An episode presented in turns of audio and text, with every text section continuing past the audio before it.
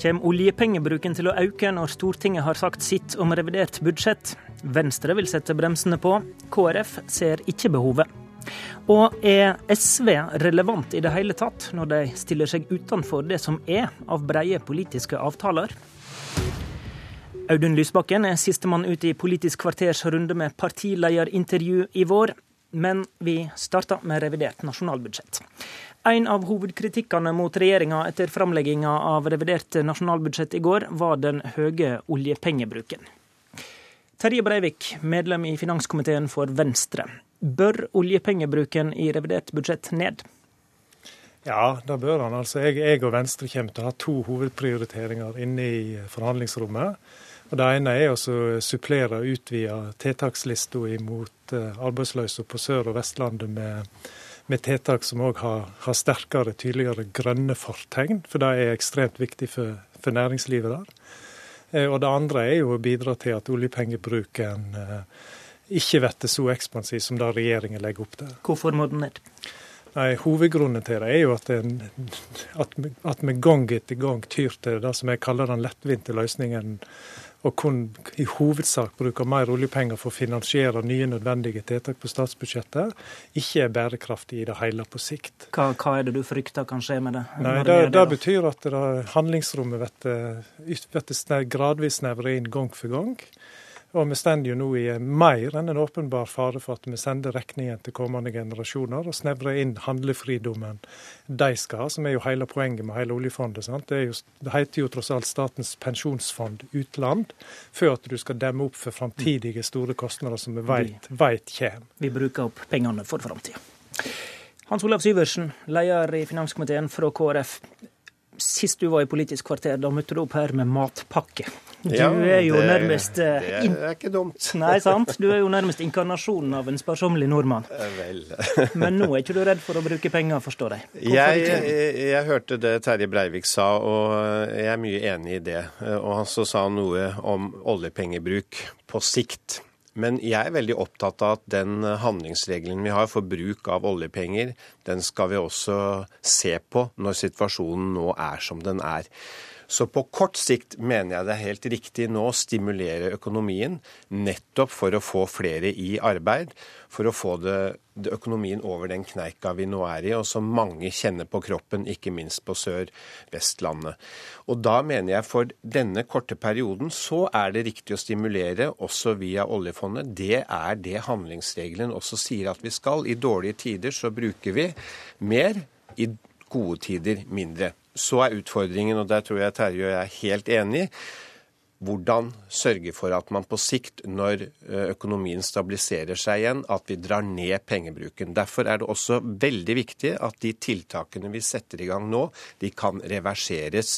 Okay, når, men, så, så når du, eh, situasjonen bedres økonomisk. Så du mener en kan gjøre dette uten de negative effektene som Breivik peker på, da? Ja, når det er på kort sikt, så mener jeg det. Og det legger også handlingsregelen opp til. Den skal være en støtdemper, og så må vi sørge for, og der er jeg helt enig med, med Terje Breivik, at på sikt så må vi alle partiene sørge for at pengebruken reduseres ut fra det vi har sett eh, de siste årene. Breivik, regelen sier faktisk at vi skal bruke penger også når det trengs, slik som nå. Ja, pro problemet med, med resonnementet som, som Hans Olav drar, som er jo et kjent resonnement, er jo at da bruker vi med hvert eneste høve vi enten skal forhandle et komplett statsbudsjett eller et revidert statsbudsjett, og det har vært brukt nå de siste åtte-ti årene. Eh, okay, ok, Men hvis det ikke er tid for motkonjunkturpolitikk nå, da, når er det da? Samme, samme Problemet med dette resonnementet er at i, i, plassen for at vi da gjør jobben og hushalderer med avgiftene, et, ethvert annet land som ikke har et, et stort et stort oljefond, en stor pengebinge på sikt, må jo da nødvendigvis gjøre jobben med å omprioritere, finne penger andre plasser. Og Litt av problemet òg i den akuttsituasjonen som er med nå, av de 10,4 milliardene i mer oljepengebruk som regjeringen foreslår på nå i revideringen av budsjettet, så er det kun en liten milliard som går til akuttiltak. Resten går egentlig til å finansiere svikt i statlige inntekter. Så du, du er egentlig redd for at denne oljepengebruken blir ikke midlertidig, da, sånn som Syversen ønsker det skal være? Ja, Det er korrekt. sant? Og, og, du kan si Hver gang vi bruker de argumentene og skubber problemet framfor oss, hver gang så snevrer vi ytterligere inn et framtidig handlingsrom hvis det virkelig blir krise. Den, den, den, faren må du vel forholde deg til? Jo da, det er jeg enig i. Samtidig så, så, er jo situasjonen den at da jeg kom inn på Stortinget i 2005, da var oljefondet på rundt 2000 milliarder. Nå er det over 7000 milliarder. Så vi legger jo penger til side for nettopp å bidra til at fremtidige generasjoner også skal nyte godt av, av oljefondet. Og en kan like det eller ei, men pengebruken er slik at fondets størrelse antagelig vil være større ved utgangen av dette året enn ved inngangen. Men jeg er helt enig, det er en felles oppgave på sikt og sørge for at pengebruken kommer i et mer riktig spor. Men akkurat nå, når vi har en topp i ledighet, så mener jeg det er riktig også å bidra til at ledigheten går ned, og at vi stimulerer for å få det til. Breivik. Ja, det er, to, det er to andre ting også som kompliserer dette litt. Og på, og på kort sikt så er det jo en fare for at vi, vi nærmer oss jo nå mer og mer òg eh, grensa for at eh, kan du si, stimuleringen av norsk økonomi gjennom offentlig pengebruk går utover de to viktigste enkeltfaktorene for norsk næringsliv, kronekursen, rentenivået. Og Det andre som er jo en, en, viktig forklaring på at oljefondet nå er så stort, som Hans Olav rett påpeker, er jo nettopp den svake krona som gjør at eh, sant? Oljefondet blir jo i sin heilskap mer eller mindre målt i utenlandsk valuta. Mm. Sånn at du har ikke den, den samme markedsverdien på de 7000 milliardene. Men, men der, renta der, er lav, og valutakursen endret seg ikke i der, går. Eh, den har mer med oljeprisen å gjøre, etter min mening. Der drar vi opp eh, flere andre debatter som vi ikke får tida til nå. Takk til dere to.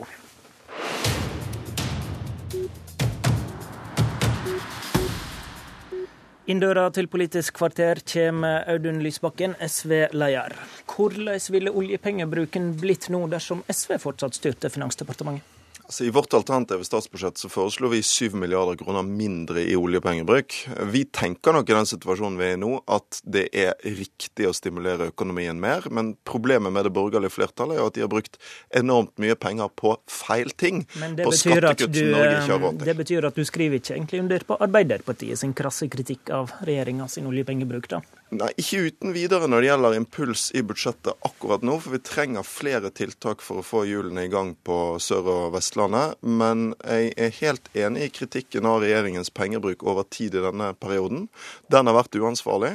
Eh, den gjør at vi nå gjennomfører skattekutt Norge ikke har råd til, og kommer til å gjøre det mye mye vanskeligere for politikerne om fem eller ti år å sørge for eh, det velferdstilbudet og den standarden vi ønsker å ha på de offentlige tjenestene i Norge. Og da vil man måtte øke skattene mye raskere enn man ville måttet hvis ikke Siv Jensen hadde vært uansvarlig nå. Du er sistemann ut i Politisk kvarters serie i vår med partilederintervju. En annen partileder, Trine Skei Grande, ynder å bruke et bilde. Hun peker på at de ridderne som har den blankeste rustninga, er de som ikke har vært i kamp. Hva får velgerne dine igjen for at du kanskje har blank rustning, men stiller partiet utafor brede politiske forlik om asyl, integrering og skatt? De får et tydelig alternativ til dagens regjering og dagens kurs, og det trengs. SV har gått inn i mange forlik opp gjennom årene. Vi har sittet uh, lenger i regjering enn det Høyre har gjort uh, sammenhengende noen gang etter andre verdenskrig. Vi tar ansvar og vi inngår kompromisser, men vi er ikke med på dårlige forlik. Uh, I motsetning til Venstre så blir ikke vi med på et flyktningforlik som gjør at Norge kommer i konflikt med FNs høykommissær for flyktninger. Men de, de påvirker jo det. I motsetning til Arbeiderpartiet så går ikke vi inn i et skatteforlik som øker forskjellene i Norge. Det vil jo være å holde velgerne våre for narr. Vi men, ønsker å være et tydelig alternativ til den kursen som nå føres i Norge. La oss ta skatteforliket, ja. da, som du nevner. I skatteforliket så har Ap sikra at det iallfall fremdeles kommer til å være en formuesskatt. Vi kan vel ikke takke SV for det? Det er Arbeiderpartiets halmstrå i den diskusjonen. Men det er klart de borgerlige står fortsatt fritt til å føre sin skattekuttpolitikk. Det var ikke dette forliket som avgjorde om det skal være en formuesskatt eller ikke. Det Arbeiderpartiet har skrevet under på, det er jo et skatteforlik som vil øke forskjellene i Norge. Som altså vil gi 1,1 milliarder kroner i rabatt på formuesskatten. De forhindra jo at den ble trappa ned og forsvant. Men det er jo ikke mulig å forsvare for venstresiden å gå inn i en avtale med Høyre og Fremskrittspartiet som gir store skatteletter til rike mennesker og øker forskjellene i Norge, når det vi trenger er et skattesystem som utjevner forskjeller. Det viktigste for at Norge skal være et godt samfunn med tillit mellom folk i framtiden, det er at vi får forskjellene ned. Og Det er utenkelig for SV å skrive under på en avtale som gjør at forskjellene går opp, sånn som Arbeiderpartiet har gjort, når de gir rabatter på aksjeformuer i formuesskatten Eh, og det skal bli eh, lettere å ta ut eh, utbytte skattefritt for noen av landets rikeste. Det er rett og slett ikke rettferdig, og det blir SV aldri med på.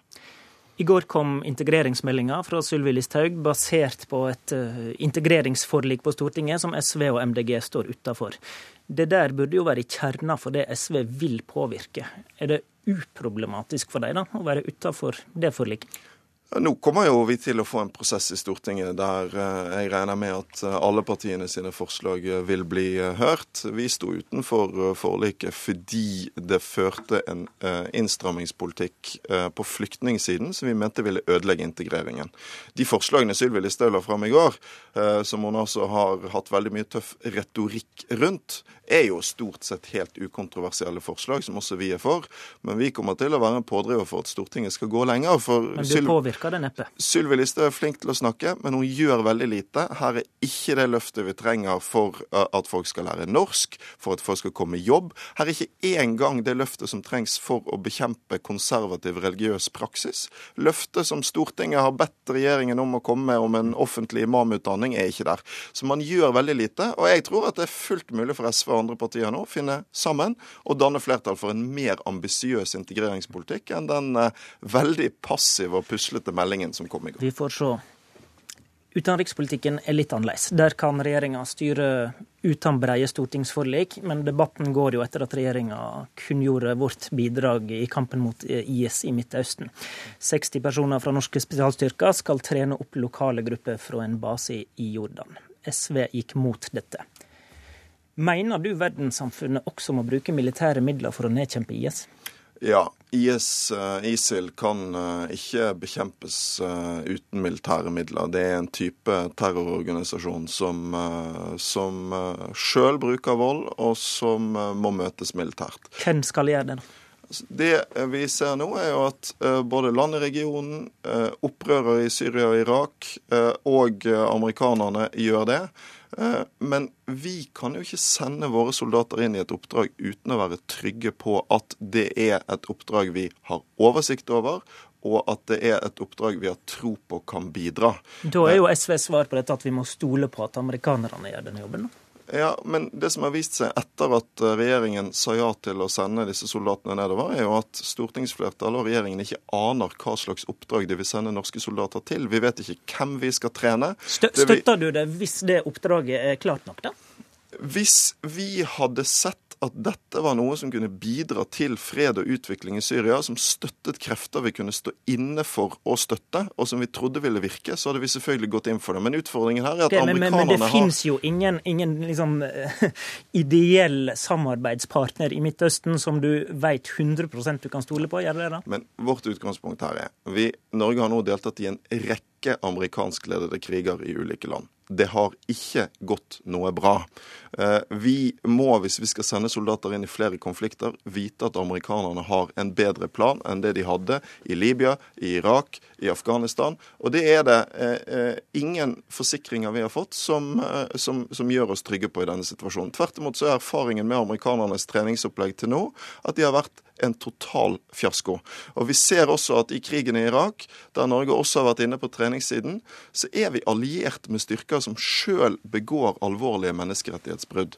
Vi kan ikke sende norske soldater inn i noe vi ikke vet hva er. Men, men da kan, vi, da kan vi aldri være med, da? Jo, Eh, det er jo sånn at Norge i dag er med i en rekke konflikter ute i verden. Eh, og vi må jo ikke føre denne debatten som om det er Norge som sitter med den militære løsningen på alle konflikter ute i verden. Vi har en veldig begrenset militær kapasitet. Den kan vi bruke noen steder. Men vi må bruke den på ting vi er trygge på vil virke. Eh, og jeg er veldig utrygg på dette, for regjeringen sier sjøl at de ikke vet hva de er med på. Takk for at du kom, SV-leder Audun Lysbakken. Mer politikk blir det i kveld på P2 og NRK2 i Dagsnytt 18, som sender direkte fra Bergen i samband med nordiske mediedager. I studio i Politisk kvarter var Håvard Grønli.